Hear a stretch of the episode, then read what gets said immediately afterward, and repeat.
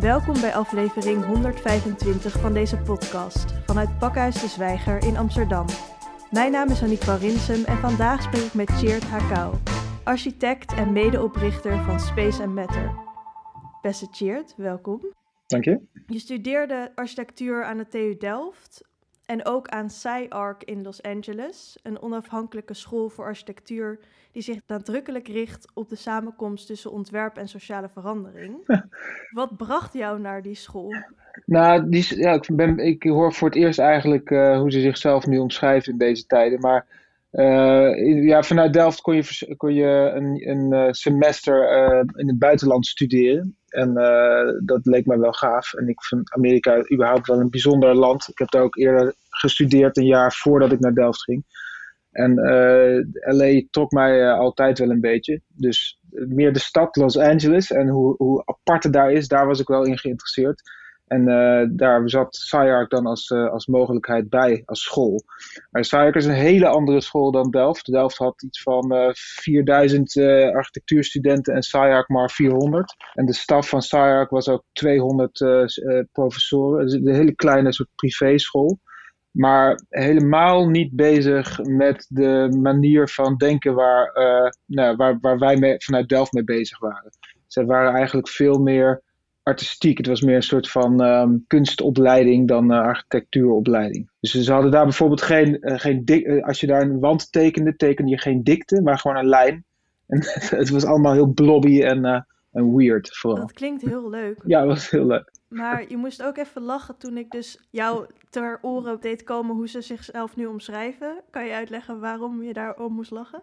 Nou, omdat de mens en zo en de, sociale agenda uh, daar niet echt een rol, in, rol speelde op die, uh, op die school. Daar waren ze in ieder geval destijds, en dat is al zal het zijn, twintig jaar geleden, nog niet mee bezig in ieder geval. Dus ze waren meer bezig met de kunstenaars in het, in het leven roepen in plaats van met sociale verandering? Ja, ze waren eigenlijk, uh, kwamen een beetje vanuit de deconstructivistische school. En misschien Frank Gehry ken je natuurlijk wel van de Disney Hall en het, uh, het Bilbao uh, Museum. dat, dat zijn echt um, hele ja, bizarre soort van kunstsculpturen en daar waren ze vooral mee bezig. Waarom denk je dat ze zichzelf dan nu wel op deze manier uh, profileren? Nou, ik hoop ook dat zij denken en zien dat je als uh, architect veel meer kan doen dan uh, kunstobjecten maken, maar ook echt een, een maatschappelijke bijdrage kan leveren.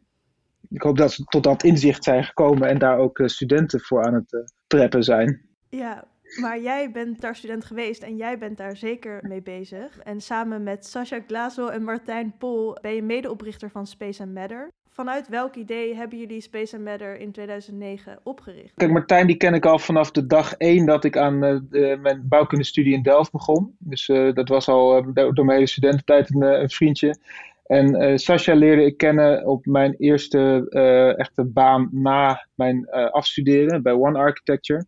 En Sascha die kwam daar een paar maanden na mij werken. En uh, One Architecture uh, is ook wel een bijzonder bureau, omdat zij ook eigenlijk maar één ding gebouwd hadden in de 15 jaar dat ze bezig waren. Maar heel veel bezig waren met visievorming en uh, grootschalig nadenken over hoe het in gebieden en steden anders kan. En um, daar, ja, daar word je toch een soort van door beïnvloed. Hoe, hoe je op een andere manier naar, uh, naar Nederland of naar de wereld of naar steden kunt, kunt kijken. In de kerstvakantie van 2008 zeiden Sascha en ik tegen elkaar van... moeten we niet iets, uh, iets, iets samen doen? Of dat zeiden we iets daarvoor. En toen kwam er een, uh, een mogelijkheid met een grote prijsvraag... door de provincie Noord-Holland uitgeschreven... Um, waar we in de, nou ja, in de kerstvakantie aan gewerkt hebben met z'n tweeën. En dat was eigenlijk een, um, een best leuke opgave... En, die, dat werd ook heel tekenend voor de manier waarop we nu ons bureau draaien. Dus daar werd gevraagd door de provincie van denk nou eens na hoe je 500 woningen ergens in de provincie kan zetten op een hele autarkische manier. Ja, nu is uh, autarkie helemaal geen, uh, geen begrip meer. Dat werkt duurzaamheid, circulariteit. Maar toen ging het om autarkisch, dus dat die, die dingen helemaal zelfvoorzienend zouden zijn. En toen mocht je dus zelf eigenlijk een plek uitkiezen in de provincie waar die woningen dan zouden landen. Dus toen gingen wij kijken van, nou, wat is dan een goede plek? En toen kwamen we erachter dat in heel veel polderlandschappen um, er een probleem is, namelijk dat daar waterbuffering moet komen, anders dan lopen ze onder. en wij dachten van ja, dan kun je natuurlijk als, als provincie kun je van boeren land kopen en daar zo'n waterbuffer gaan aanleggen. Maar ehm, wij dacht, bedachten toen van als je daar echt woningen gaat ontwikkelen, dan kun je het misschien op een andere manier doen. Dus ons idee was toen om ehm, eigenlijk de boeren zelf de waterbuffer aan te laten leggen achter hun erf. Dus gewoon in een lange strip van water. En in ruil daarvoor kregen ze dan het ontwikkelrecht om drijvende woningen op dat water te leggen. En daarmee zouden ze dus en wat geld kunnen uh, verdienen door het uh, ontwikkelen van die woningen, of in ieder geval het verhuren van hun, hun water. Maar ze zouden ook uh, energie die, ze zouden, die ze kunnen opwekken door de vergisting van de, de, koeienpoep met biovergisters aan hun nieuwe buren kunnen leveren. Of de energie die ze opwekken met zonnecellen aan hun buren kunnen leveren. En ook hun producten die ze gewoon verbouwen. Op dan een nieuwe, kleinschalige biologische manier ook aan de nieuwe buren kunnen leveren. En zo zou er eigenlijk een hele nieuwe economie in een polderlandschap kunnen ontstaan. En, uh, Interessant. Ja, dit is wel leuk, want uh, we zien het nu eigenlijk een beetje als een, de, de, ja, een manier hoe je ook de circulaire economie kunt benaderen. Maar toen was het woord circulaire economie nog niet uitgevonden, die 12, 12 jaar geleden. Maar um, ja, die, die prijsvraag die wonnen we. En grappig genoeg kregen we die uitgereikt op de MIPIM in Cannes. Dat is de grootste vastgoedbeurs van Europa.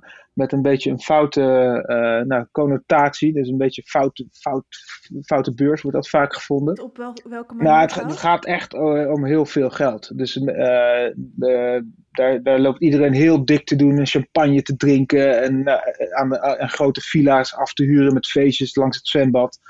Dat soort vastgoedwereld is dat. Um, en wij, ja, daar merkten Sascha en ik um, eigenlijk dat, uh, dat daar de beslissingsnemers rondlopen. Daar liepen de, de, nou, de besturen van steden, van provincies, van landen en de projectontwikkelaars en de investeerders rond. We dachten van, hé, hey, wij zijn hier eigenlijk bijna de enige architecten. Terwijl wij vanuit Delft altijd het idee hadden meegekregen van je, je maakt concepten om de wereld beter te maken en de steden te, te vergroenen en uh, socialer te maken. En daar kwamen we er eigenlijk achter van, hé, hey, als architect hebben we eigenlijk helemaal niks te zeggen in deze wereld. Want het, hier, hier worden de besluiten genomen. Dus toen dachten we, van, toen we terugkwamen van, ja, wat, hoe gaan we dan ons uh, kantoortje starten? Gaan we dan, zoals alle architecten doen, bij andere architecten in een soort creatieve broedplaats uh, zitten? Toen dachten we, dat, misschien moeten we dat juist niet doen, maar moeten we uh, meer leren van die andere kant van de tafel. Dus bij, uh, hoe, hoe, leren we meer van uh, projectontwikkeling en hoe die besluiten daarin genomen worden. En toen vonden we een plek bij een projectontwikkelaar in Amsterdam om daar een, uh, eerst een tafel te huren en daar zijn we eigenlijk ons kantoor gestart. Jullie waren dus op die prijsvraag gestuurd, maar daarvoor waren jullie al van plan om samen iets te gaan doen. En wat maakte dan aan deze prijsvraag dat jullie dachten, ja, dit is wat we willen doen? Zeg maar, wat voor soort naar wat voor soort nieuwe iets waren jullie op zoek? Als, als jonge architect wil je altijd eh, een beetje het doen, het zelf een idee creëren en bedenken. En uh, binnen een kantooromgeving heb je daar niet altijd, uh, voel je daar niet altijd de ruimte voor. Dus het was sowieso, we willen iets doen. En dan kun je of een Europan meedoen of nou, een andere prijs vragen. Maar het mooie aan deze was, is dat het echt het hele nou, idee open was. Dus je kon echt vanuit jezelf gaan bedenken wat je zou doen. Um, en er was een behoorlijk grote prijzenpot te winnen. Dus we kregen uh, 50.000 euro voor, het winnen van die prijsvraag. En dat was, e-, dat was echt serieus geld destijds helemaal. Waardoor we ook een jaar lang uh, met z'n tweeën daarvan konden leven. Um, om gewoon te doen wat we, wat we wilden. Ja, dat is niet, uh, niet mis natuurlijk. Nee. Dus samen met projectontwikkelaars, samen optrekken, wat, wat levert dat op? Het inzicht wat, je, wat voor rol je speelt als, uh, als architect. En dat die eigenlijk, ik zie ons uh, echt, het vak architect is, dan zit je eigenlijk aan de onderkant van de piramide. Je bent geen opdrachtgever, je hebt geen geld, je, je, je moet gewoon doen wat je, wat je gevraagd wordt. En dat is vaak gewoon het optimaliseren van de business case van een gebouw. Dus uh, hoeveel ruimte kun je daarin uh, maken die verkoopbaar of verhuurbaar is en zo efficiënt mogelijk. Dat is eigenlijk het doel, want voor een projectontwikkelaar is het heel belangrijk dat daar nou, A, wel een goed gebouw komt, maar B, vooral dat daar ook goede winst gemaakt wordt. En dat wisten we eigenlijk van tevoren niet hoe dat, hoe dat precies werkte. Dus als je ook die andere kant veel beter begrijpt en ziet, dan weet je hoe, de, nou ja, hoe, hoe een projectontwikkelaar naar een gebouw kijkt. En, hoe, hoe gaan jullie daar dan nu anders mee om? Nou, nu zijn we ook zelf projectontwikkelaar geworden. Bijvoorbeeld. dat, dat is een, uh, iets heel anders. Uh, maar wij proberen daar wel op een hele andere manier mee om te gaan. Dus wij proberen niet vanuit een soort van winstoogmerk uh, projecten te ontwikkelen, maar veel meer vanuit impact. En dat doen we door echt mensen heel vroeg in het proces te betrekken. En eigenlijk voor dat die mensen onze opdrachtgever zijn als ontwikkelaar. En dat is, dat is een, groot, ja, een groot verschil, omdat als ontwikkelaar ben je vaak zelf opdrachtgever en verkoop je, maak je iets wat je zo goed mogelijk wil verkopen aan mensen. Dus je maakt iets wat je zo goedkoop mogelijk kan bouwen en zo duur mogelijk kan verkopen, want dan heb je de grootste winstmarge. Maar als je mensen helemaal aan het begin van het traject neerzet en ze uh, nou, eigenlijk opdrachtgever van jouzelf laat zijn, dan maak je dus precies wat die mensen willen. En ga je niet hele grote winsten maken, omdat dat, uh, ja, dat is helemaal niet in het belang van je opdrachtgever. Dus het hoeft niet zo te zijn dat je als projectontwikkelaar alleen maar op winst uit bent. Want jij mag dat zelf nu bepalen eigenlijk. Ja, ja, precies. En het is ook heel prettig, want we zijn enerzijds projectontwikkelaar, daar hebben we een ander, ander bureau voor uh, opgestart. Dat heet Common City Development.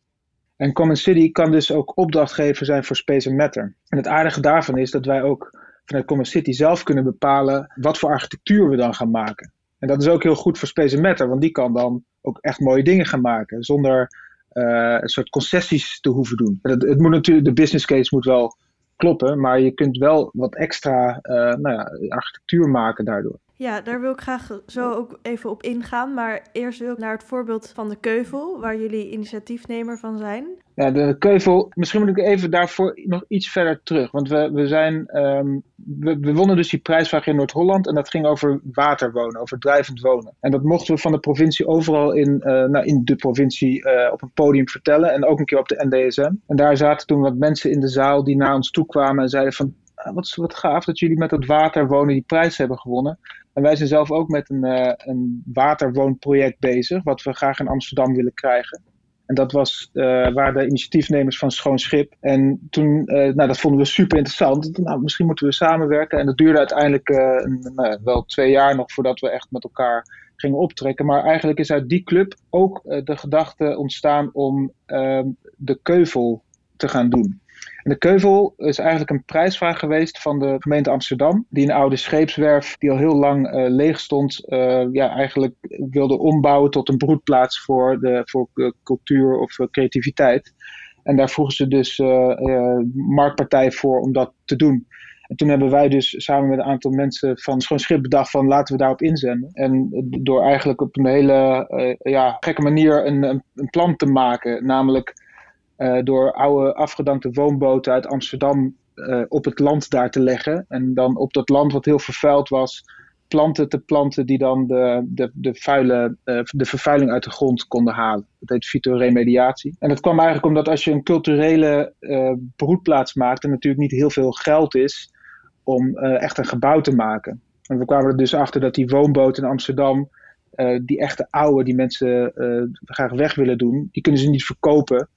Dus die, die, die moeten echt bijna gesloopt worden. Dus, eh, en dat kost dan die mensen 5000 euro. Dan zeiden wij, nou ja, wij willen die woonboten ook wel hebben. En dan uh, betalen we er 1 euro voor. dan heb je nog steeds winst, winst. als verkopende partij. ja. ja. Dus zo kregen we 16, uh, 16 van die boten uh, voor elkaar. Um, en we mochten de grond, hè, die, dus als je de prijs Maar waarom wilden jullie die boten dan hebben? Gewoon puur omdat, ze, omdat het leuk is? Nee, om ruimte te hebben. Dus er, sta, er stond okay. op die keuvel helemaal geen gebouw. En we moesten 1500 vierkante meter gebouw maken. Ja, dan kun je natuurlijk uh, ja, een gebouw. En we moesten ook na tien jaar weer weg. Dus als je een gebouw maakt, dan moet je dat na tien jaar weer afbreken. Dat is altijd zonde. Ja. En uh, dus daar kwamen die woonboten eigenlijk super goed van pas. Omdat je die na tien jaar ook weer gewoon in het water kan takelen. En uh, kan afvoeren. Of naar een volgende plek kan brengen om daar weer hetzelfde, dezelfde functie te vervullen. En toen, wat is er toen uit ontstaan? Nou, het, leuke was dat we toen ook al zeiden van we hebben, we hebben wel zo'n idee. Hè? We, hebben dan 16 uh, woonboten, die 1500 vierkante meter. Maar toen we die prijsvraag gingen inzenden, toen hebben we gezegd van laten we nou voor iedere woonboot ook al een gebruiker vinden. En dat die gebruiker gaat vertellen wat zijn idee is, wat hij met die woonboot gaat doen. Wat voor soort bedrijfje of dingetje hij daarin uh, gaat starten. En daar waren dan mensen die uh, uh, bijvoorbeeld duurzame ketchup wilden maken. En nou, ook een fotografiestudio. En zo hadden we dus eigenlijk een groep van 16 bedrijfjes al. Die met ons meedeed om die prijsvraag in te zenden. En dat is eigenlijk de start geweest van die community van, van de Keuvel. Um, en, toen we die prijs, en er was altijd al een hele hoge duurzaamheidsambitie in die groep. En dat werd ook versterkt toen uh, Metabolic, dat toen echt net was begonnen. Die hadden nog geen projecten en die dachten, we moeten iets uh, cools doen. En die kwamen erachter dat we met die keuvel bezig waren en toen zijn zij aangehaakt. En uh, zij, Metabolic is natuurlijk heel erg bezig met, met die circulaire economie. dat was ook eigenlijk de eerste keer dat wij over circulaire economie hoorden. En die zijn toen aangehaakt en daardoor konden we ook het hele duurzaamheid, de duurzaamheidsambitie van die keuvel echt op een eh, gigantisch hoog niveau brengen. Ehm, en toen we dat wonnen, uh, konden we dat ook gaan uitvoeren. Dus het was echt heel hands-on. Maar er waren heel weinig uh, mensen met geld. Er was heel weinig geld. Dus iedereen moest, moest zelf echt uh, aan de bak zelf dingen doen en maken. En ook uh, in, in workshops allerlei duurzame uh, technologieën bouwen. Dus er zijn zelf warmtewisselaars gebouwd en waterzuiveringsinstallaties. En allemaal op een super low-tech manier, waardoor het ook heel goedkoop kon. Dus in totaal heeft die hele keuvel 450.000 euro gekost. Voor 1500 vierkante meter. Um, en that's, that's it. Dat is eigenlijk, als je het vergelijkt met nu helemaal echt heel weinig uh, geld voor zo'n ontwikkeling. Ja, het klinkt een beetje alsof ja, in een wereld waar geld overheerst, je eigenlijk zo ver kan komen met veel hele creatieve, hele intelligente mensen die veel willen. Ja, zeker. Maar het was ook in een tijd natuurlijk dat, dat, uh, dat voor mij was, startte die prijsvraag 2012 of zoiets. Dat eigenlijk er een grote bouwstop was en uh, de, de, financiële crisis nog woedde. En partijen eigenlijk niet meer wilde ontwikkelen. En daardoor uh, is er ook uh, ja, een soort ruimte ontstaan, financiële ruimte ook voor een gemeente om dit soort initiatieven te laten uh, ontstaan en te starten. En dat geldt eigenlijk niet alleen voor grappige initiatieven zoals een keuvel, maar ook wel voor de woningbouw, omdat daar ook de gemeente ging kijken van kunnen Amsterdammers niet zelf gaan, gaan bouwen in collectieve vorm of, of particulier de Keuvel die heeft ook bijgedragen aan de waardestijging eigenlijk van de, van de buurt. Maar de Keuvel zelf daar nu eigenlijk niet echt in meedeelt. Wat zou je daar nu anders in hebben gedaan? Je zet natuurlijk in op een prijsvraag waarbij, voor de, waarbij de voorwaarden door de gemeente gesteld worden. Dus daar konden wij niet zoveel in doen. Maar vanuit de gemeente kun je wel bedenken van dat het uh, best goed zou zijn om de initiatiefnemers die, en alle mensen die daar echt uh, ja, heel veel energie en tijd in stoppen, om die ook daar uh, nou ja, mee te laten delen in de waardestijging van zo'n plek en van zo'n wijk. En hoe kan dat dan? Dat zou je dus kunnen doen door een soort coöperatie op te richten, um, waar, je, waar je iedereen die daar aan, aan meewerkt ook een soort aandeeltje uh, in geeft. We zijn nu wel bezig met een soort van vervolg van de keuvel. dus uh, we noemen dat dan de keuvel 3.0. De keuvel 1.0 was de scheepswerf. Keuvel 2.0 die is nu, staat er nu. Maar goed, dit moet ook weg over een paar jaar. En wat gaan we dan doen? En dan lijkt het uh, ons heel mooi om daar een, um, een, een, nieuwe ontwikkeling te maken. Waar werken wordt gecombineerd met betaalbaar wonen. En waarbij uh, de bewoners en de, nou ja, de, eigenlijk de hele buurt uh, daar een aandeel in heeft. Als als een, en dat noem je een, een community land trust.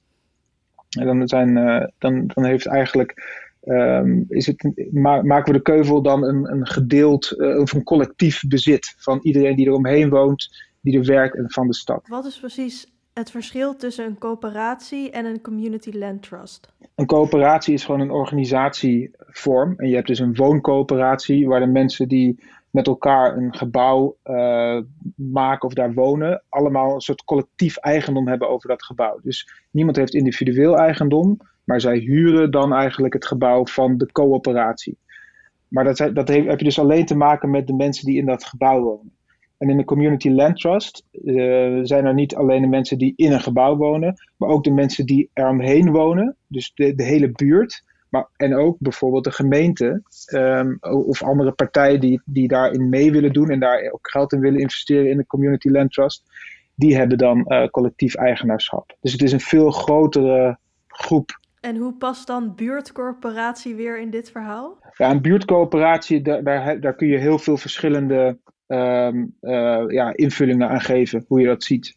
Dus um, ik denk dat uh, een, uh, er zijn al een aantal buurtcoöperaties en die zijn, dat is meer dat die elkaar op de hoogte, die de buurt eigenlijk op de hoogte houden van wat er allemaal gebeurt.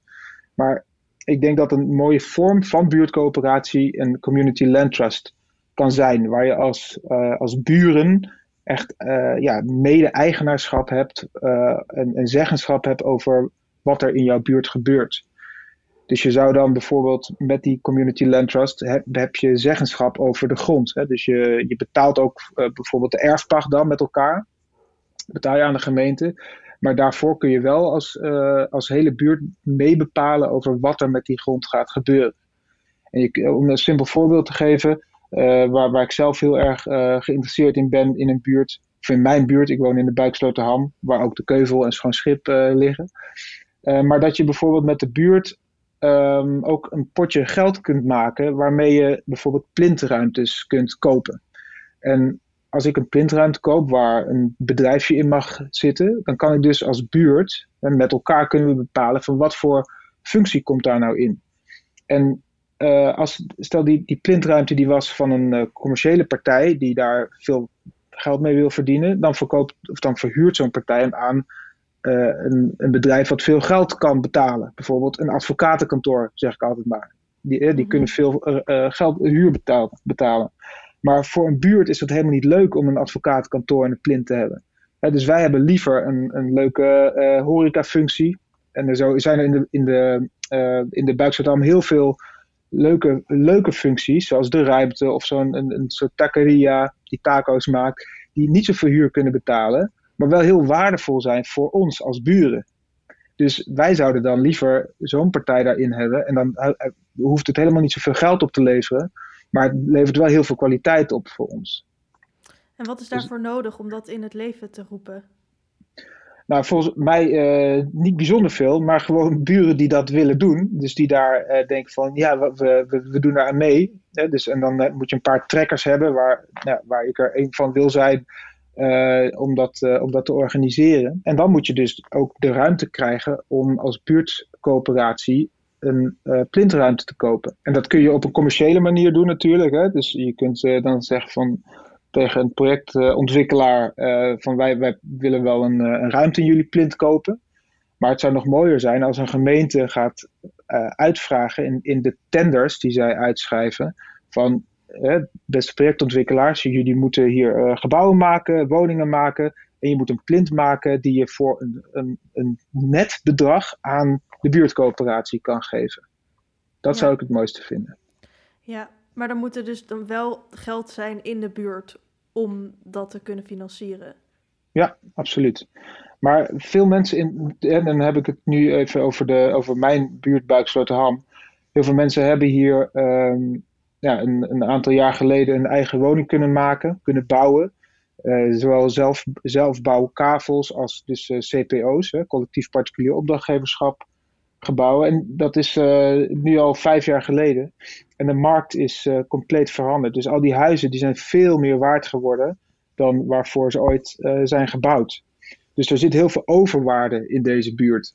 En ik vind het dus heel interessant om, en dat, ik weet niet precies of dat kan of hoe dat zou kunnen, maar om te kijken of je een deel van die overwaarde dus kunt inzetten om zo'n fonds te maken, een pot te maken, waarmee we dus als buren uh, ja, de plint, plinten kunnen aanschaffen. Ja, je zegt ik weet niet hoe dat zou kunnen, maar misschien al wel ideeën daarover? Nou ja, je, in principe kan als ik, uh, als ik een verbouwing ga doen aan mijn huis, kan ik natuurlijk van de, van de bank uh, iets extra hypotheek krijgen om dat te financieren.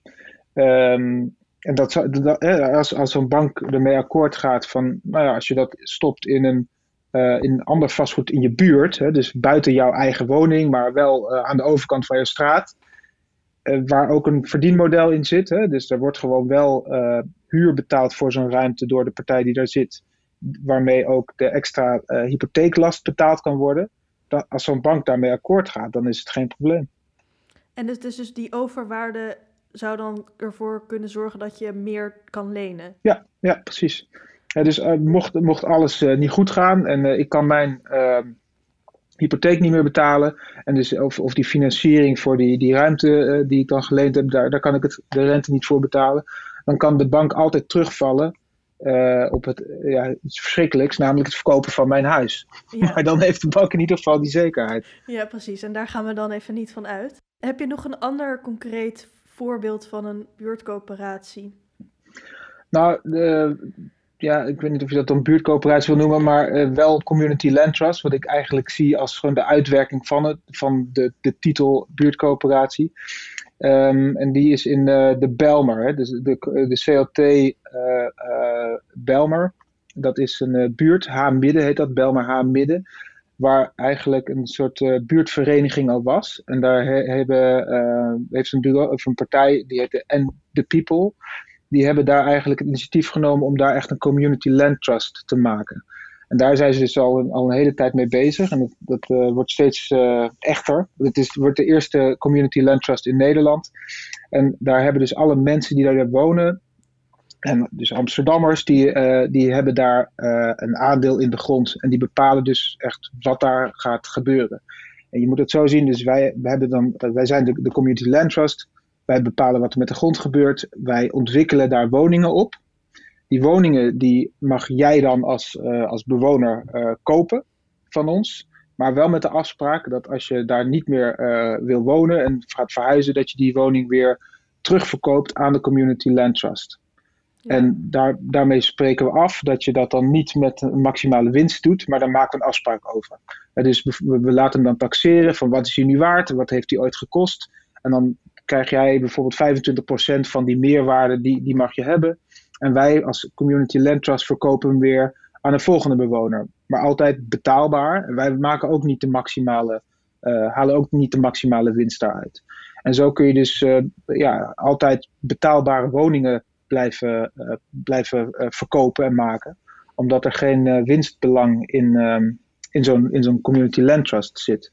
En wat zijn dan, bijvoorbeeld alle voordelen en toegevoegde waarden die, die daardoor kunnen ontstaan? Waar kunnen we aan denken? Nou, je krijgt een heel andere sociale structuur natuurlijk. A, mensen in de buurt die je hebben, hebben wat met elkaar. Meer dan dat ze elkaar af en toe groeten als ze elkaar tegenkomen. Maar ook een gewoon gemeenschappelijk belang. Wat een, ook een kwalitatief belang is om die buurt leuker te maken. Um, en er, is dus niet een, uh, er, wordt niet alleen ontwikkeld en uh, verkocht uh, vanuit het maken van winst. En dat is denk ik een, een hele belangrijke. Dus je kunt ook op andere gronden kun je, ehm, ja, kun je eigenlijk je, je buurt regisseren. Je kunt andere mensen toelaten die anders daar niet zouden kunnen wonen. Je kunt andere functies en voorzieningen in je buurt krijgen die anders je dat niet zouden kunnen betalen. En dat eh, is denk ik een heel groot goed voor de kwaliteit van je, van je stad. Ja, precies. Dus je creëert eigenlijk een soort van kleine gemeenschap binnen gemeenschap. Ja, ja, maar ook een gemeenschap die echt wat te zeggen heeft over, waar ze, over de plek waar zij, uh, waar zij wonen. Want dat is nu natuurlijk helemaal niet zo. Je hebt heel weinig te zeggen. Je mag af en toe mee participeren, maar dat, ja, je bepaalt het niet. Ja, precies. En hoe komt het dat jij als architect je bent gaan interesseren voor dingen als community land trust, uh, buurtcoöperatieven en eigenlijk ook een beetje democratisering? Nou, dat kwam eigenlijk um, door, door dat project Schoon Schip onder andere. Want uh, dat is dus ook een project wat helemaal um, nou ja, vanaf. Door één. Marianne Blok is dat uh, ooit begonnen. Zij was, uh, maakte een film over de gewoonboot, een drijvende duurzame boot op de NDSM-werf. En ze dacht dat is zo gaaf, eigenlijk wil ik op die manier wonen. En daar was ze heel enthousiast over. Daardoor heeft ze heel veel vrienden van haar ook enthousiast gekregen. En die mensen die zijn dus met elkaar zo'n zo'n bouwgroep begonnen. Um, en zijn zelf daarmee bezig gegaan, hebben zelf ervoor gezorgd dat ze die, uh, dat ze die plek kregen. Hebben ja, samen met ons natuurlijk zo'n plan gemaakt. En die, ze hadden ook super hoge duurzaamheidsambities. Er, er, zit een smart grid in. Hun toiletafval wordt omgezet naar biogas. Daar wordt weer warmte uit opgewekt, wat weer naar de boten gaat. Allemaal dingen die zo ambitieus waren dat je van, als je daar van tevoren over nadenkt, dan denk je dat gaat nooit lukken. En een, commerciële partij zou dat al helemaal nooit doen. Maar het is allemaal gelukt. En er wonen nu 46 uh, huishoudens uh, in een, een hyper innovatieve uh, woonvorm. Die ik dacht van ja, hoe, waarom kan het hier nou wel? En waarom doen, als we voor een projectontwikkelaar werken, dan lukt dat nooit om zoiets te maken. Maar dat komt gewoon omdat die mensen een heel direct belang hebben en een, een kwalitatief belang hebben bij wat ze maken. Dus zij, die, al die duurzaamheidsvoorzieningen, daar waarin ze investeren, die krijgen ze zelf ook weer, verdienen ze zelf weer terug. En als ik als commerciële partij zoiets zou doen, dan zou ik dat nooit terugverdienen, want ik verkoop het aan jou. En jij gaat daar dan uh, minder energielasten door hebben. Maar daar heb ik als, als marktpartij heb ik daar weinig aan. Dus uh, het, het, belang is, uh, ja, zit, zit bij zo'n bij zo'n groep heel anders. En ze betalen ook nog eens alleen maar de kostprijs van dingen. Dus ze betalen geen marge of, of winsten die uh, ik als marktpartij zou, uh, zou willen maken. En dat, dus je maakt het eigenlijk veel puurder. Dus je, je maakt dan als groep gewoon precies wat je nodig hebt voor de prijs die het kost. En niet wat, eh, wat de markt ervoor zou kunnen betalen. En eigenlijk is die manier, dus bottom-up ontwikkeling, dat heeft toen, daarom dacht ik van waarom doen we niet veel meer zo in Nederland? En hoe zouden we dat kunnen, kunnen opschalen en veel groter maken? Ja, nou ja, dat denk ik nu ook een beetje als ik dit zo hoor. Waarom doen we daar niet veel meer van in Nederland? Ja, nou dat kan ik ook wel vertellen. Want wij, zo is onze, onze hele uh, markt en cultuur niet ingericht. Dus als, uh, in Nederland hebben we een soort uh, manier vanuit gemeente om, om onze gronden te tenderen aan commerciële partijen. En ja, het, het, het gunnen van gronden aan particulieren of aan collectieven, dat staat nog echt in de kinderschoenen. Dat is nog heel, heel klein. Maar als je bijvoorbeeld in België kijkt, daar wordt volgens mij 60, 70 procent van de gebouwen wordt door mensen zelf gebouwd. Niet, niet dat dat altijd mooi wordt, maar dat is een hele andere, andere cultuur. En hier zijn we veel meer top-down gewend. Ook vanuit die Finex-locaties. Daar is een groot stuk land en er moet zo snel mogelijk zoveel mogelijk woningen komen. Door één partij het liefst en allemaal hetzelfde. Dus zo zijn we, zijn we ingeregeld. En uh, dat, ja, ik denk dat we dat echt uh, moeten gaan uh, veranderen. Ja. Om, en ik denk dat we daar veel hogere kwaliteit, maar ook veel meer sociale cohesie door krijgen in, in onze steden. Ja, en naar buiten. Ja, het is al ingeregeld, maar je bent al best wel goed bezig met dat een beetje uitregelen. Wat zijn de dingen die er moeten gebeuren of die jij het misschien doet om het gangbaarder te maken, om het op een andere manier te gaan doen? Er zijn een paar dingen die, uh, die, die, uh, waardoor het een hele hoge drempel heeft voor mensen. Dus enerzijds is het proces best complex. Hè? Als je dat voor het eerst moet doen en nog nooit gedaan hebt, dan weet je eigenlijk niet waar je aan begint. Mm-hmm. Ten tweede zijn dus die locaties best schaars. Waar kan ik zoiets uh, iets starten? Dus dat, dat moet anders.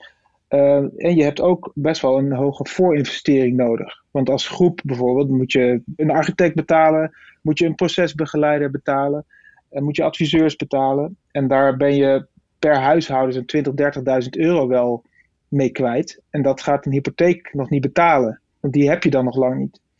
Dus je moet behoorlijk wat spaarcentjes hebben om dat te kunnen doen. En dat maakt eigenlijk de groep die dat nu kan doen best wel niche. Je moet en best wel snugger zijn en je moet wat spaargeld hebben. En je moet dan ook nog zo'n locatie weten te vinden. Dus dat zijn best wel, is best wel een hoge drempel. En waar wij nu mee bezig zijn, we hebben uh, onlangs een, uh, een, platform opgericht, een online platform wat crowdbuilding heet. En daarmee willen we het eigenlijk uh, al die drempels weghalen. En, en dit soort bottom-up zelfbouw, het liefst collectieve zelfbouw, toegankelijk maken voor een hele brede groep. Ja, want ook mensen, als je dat nu zou willen, dan waar moet je beginnen? Weet je? Waar, moet, waar vind je dit soort initiatieven of mensen die hier al mee bezig zijn? Daar is niet echt een plek voor. Als je een, huis wil kopen, ga je naar Funda. Mm-hmm. Daar zie je alles, heb je overzicht.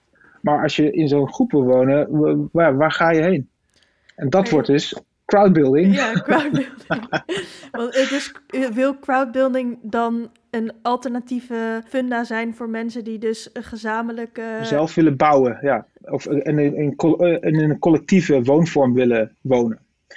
want in het begin natuurlijk, hè, die, ga je met elkaar zo'n zo'n project doen. Dus da daar zullen we de komende jaren in crowdbuilding uh, vooral in investeren. In, in dat proces makkelijker maken. Ook in, in het opzetten van een plankostenfonds waar mensen geld uit kunnen lenen om die architect en die procesbegeleider te betalen. We willen ook gemeentes helpen om uh, met, met de juiste leidraden eigenlijk uh, een soort van templates te hebben waarmee ze grond aan, uh, aan burgercollectieven kunnen, kunnen gunnen. En we willen eigenlijk het, het hele netwerk van architecten en procesbegeleiders ook hè, als, als partner in crowdbuilding hebben, zodat zij al die mensen die dit graag willen ook op een goede manier kunnen, kunnen begeleiden.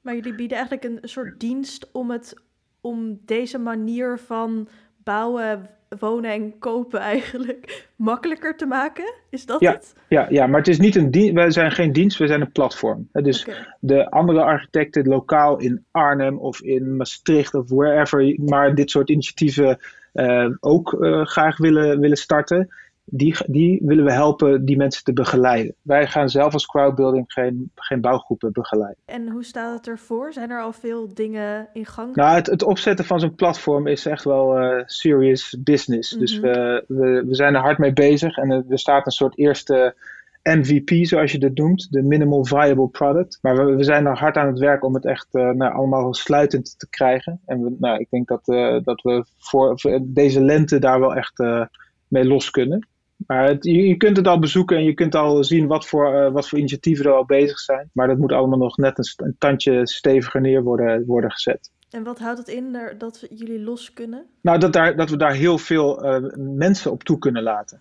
En nu hebben we zo'n 500 mensen op het platform. Maar als, we, weet ik veel, als er 50.000 mensen op het platform nu zouden zitten, dan hebben we een probleem. Dan loopt alles vast aan de achterkant. Ja, en hoeveel mensen zijn er nodig voor één zo'n crowdbuilding project om dat van de grond te krijgen? Nou, het verschilt natuurlijk. Dus het ligt ook heel erg aan, eh, aan de locatie. Bijvoorbeeld in uh, dat ligt bij uh, Bussum. Daar is een, uh, ook een, een, oude legerkazerne waar nu de gemeente ruimte biedt voor een aantal initiatieven. En daar gaat het van zes tot negen huishoudens. Dus een redelijk kleine groep. Uh, en in Amsterdam heb je natuurlijk ook de, de wooncoöperaties. Dat, wat ook een soort uh, bottom-up uh, initiatieven zijn, waar, waar plekken voor zijn. En dan heb je het over, nou, laten we zeggen, 25 tot, tot maximaal 50 huishoudens die dat samen doen. En die wooncoöperatieven in Amsterdam, wat kunnen we ons daarbij voorstellen? De gemeente Amsterdam heeft, heeft uh, best wel hoge ambities. Ze hebben een actieplan wooncoöperaties gemaakt.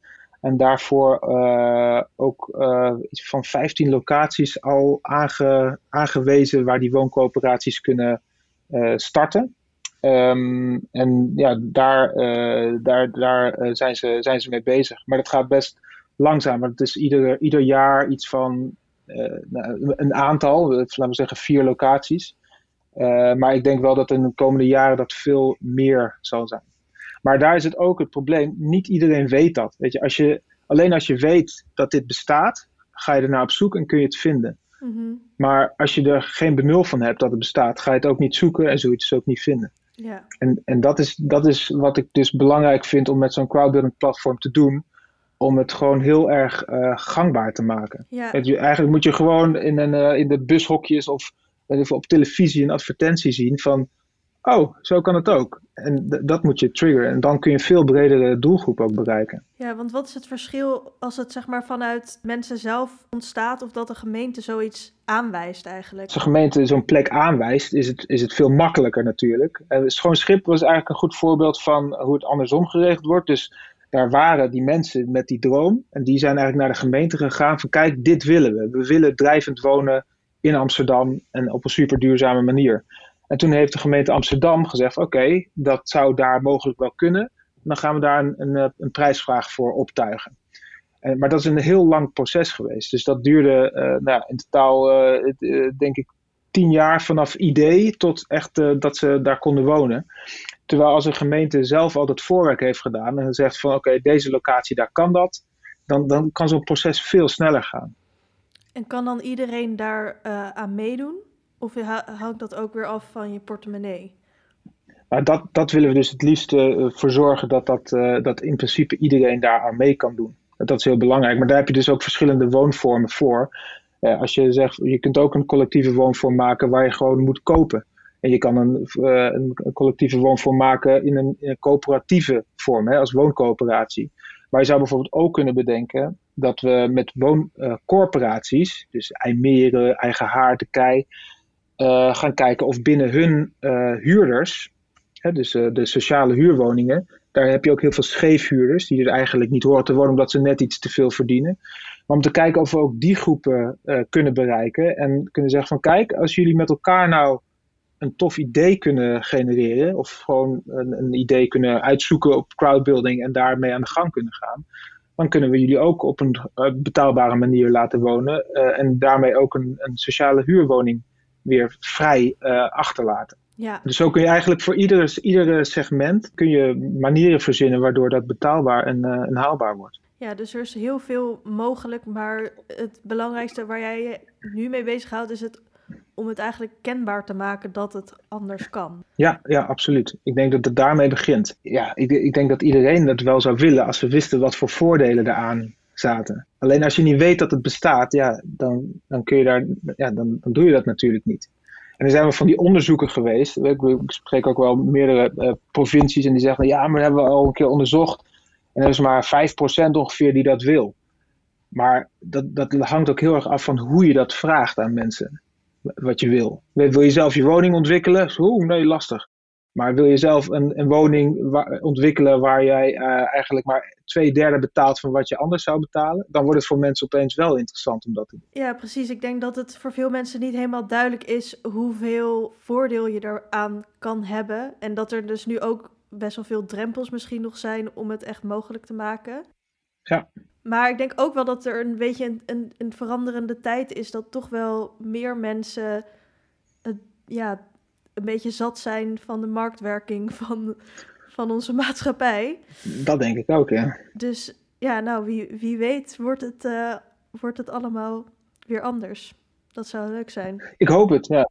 Nou, we hebben een enorme woningbouwopgave. Dus iedereen uh, die, die, die weet nu dat, uh, dat één, daar 1 miljoen woningen bij moeten. Ik vraag me echt af of dat moet. Maar als we nou, dus we hebben onszelf gezegd van, ja, wat nou als je 25% van die 1 miljoen woningen gewoon door mensen zelf laat ontwikkelen in de komende 10 jaar? Dat zou hartstikke mooi zijn. En ik denk dat je daar een heel ander soort, uh, ja, soort land van krijgt, met heel veel voordelen. En, want ook in, zo'n, in die communities gaan mensen ook op, op een hele andere manier met elkaar om. Je, je kent elkaar veel beter, je hebt zorg voor elkaar, je kent je buren eindelijk eens een keer, al van tevoren.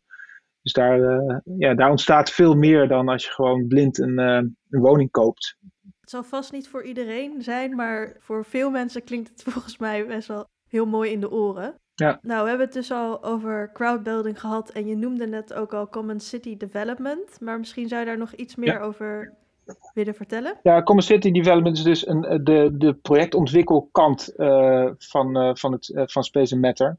En daarmee proberen we eigenlijk op een andere manier uh, projecten te ontwikkelen.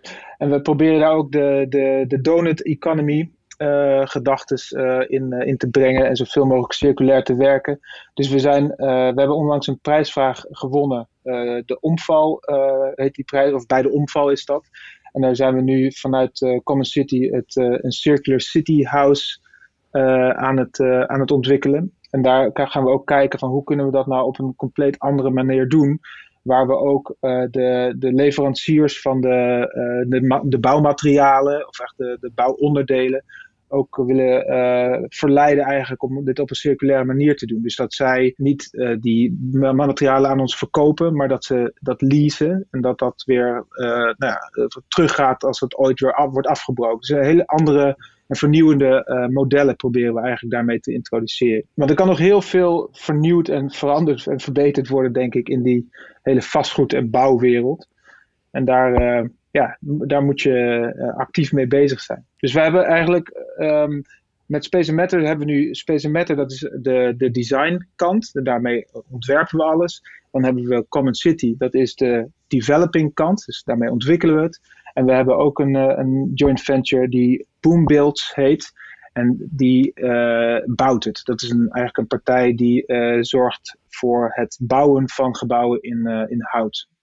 Dus, dus, zo kunnen we eigenlijk alles van ontwerp tot ontwikkeling tot realisatie ja, zelf in de hand hebben. En dan kan je innoveren. Ik heb ergens gelezen dat je een fascinatie hebt voor de disruptieve kracht van online processen en die in het ruimtelijke domein wil brengen. Ja. Wat bedoel je daar precies mee? De online technologie en dan vooral de soort sociale, eh, de sociale media, wil ik niet zeggen, maar de community platformen. Waar mensen elkaar dus uh, kunnen vinden op het gebied, op, op verschillende onderwerpen uh, en interesses.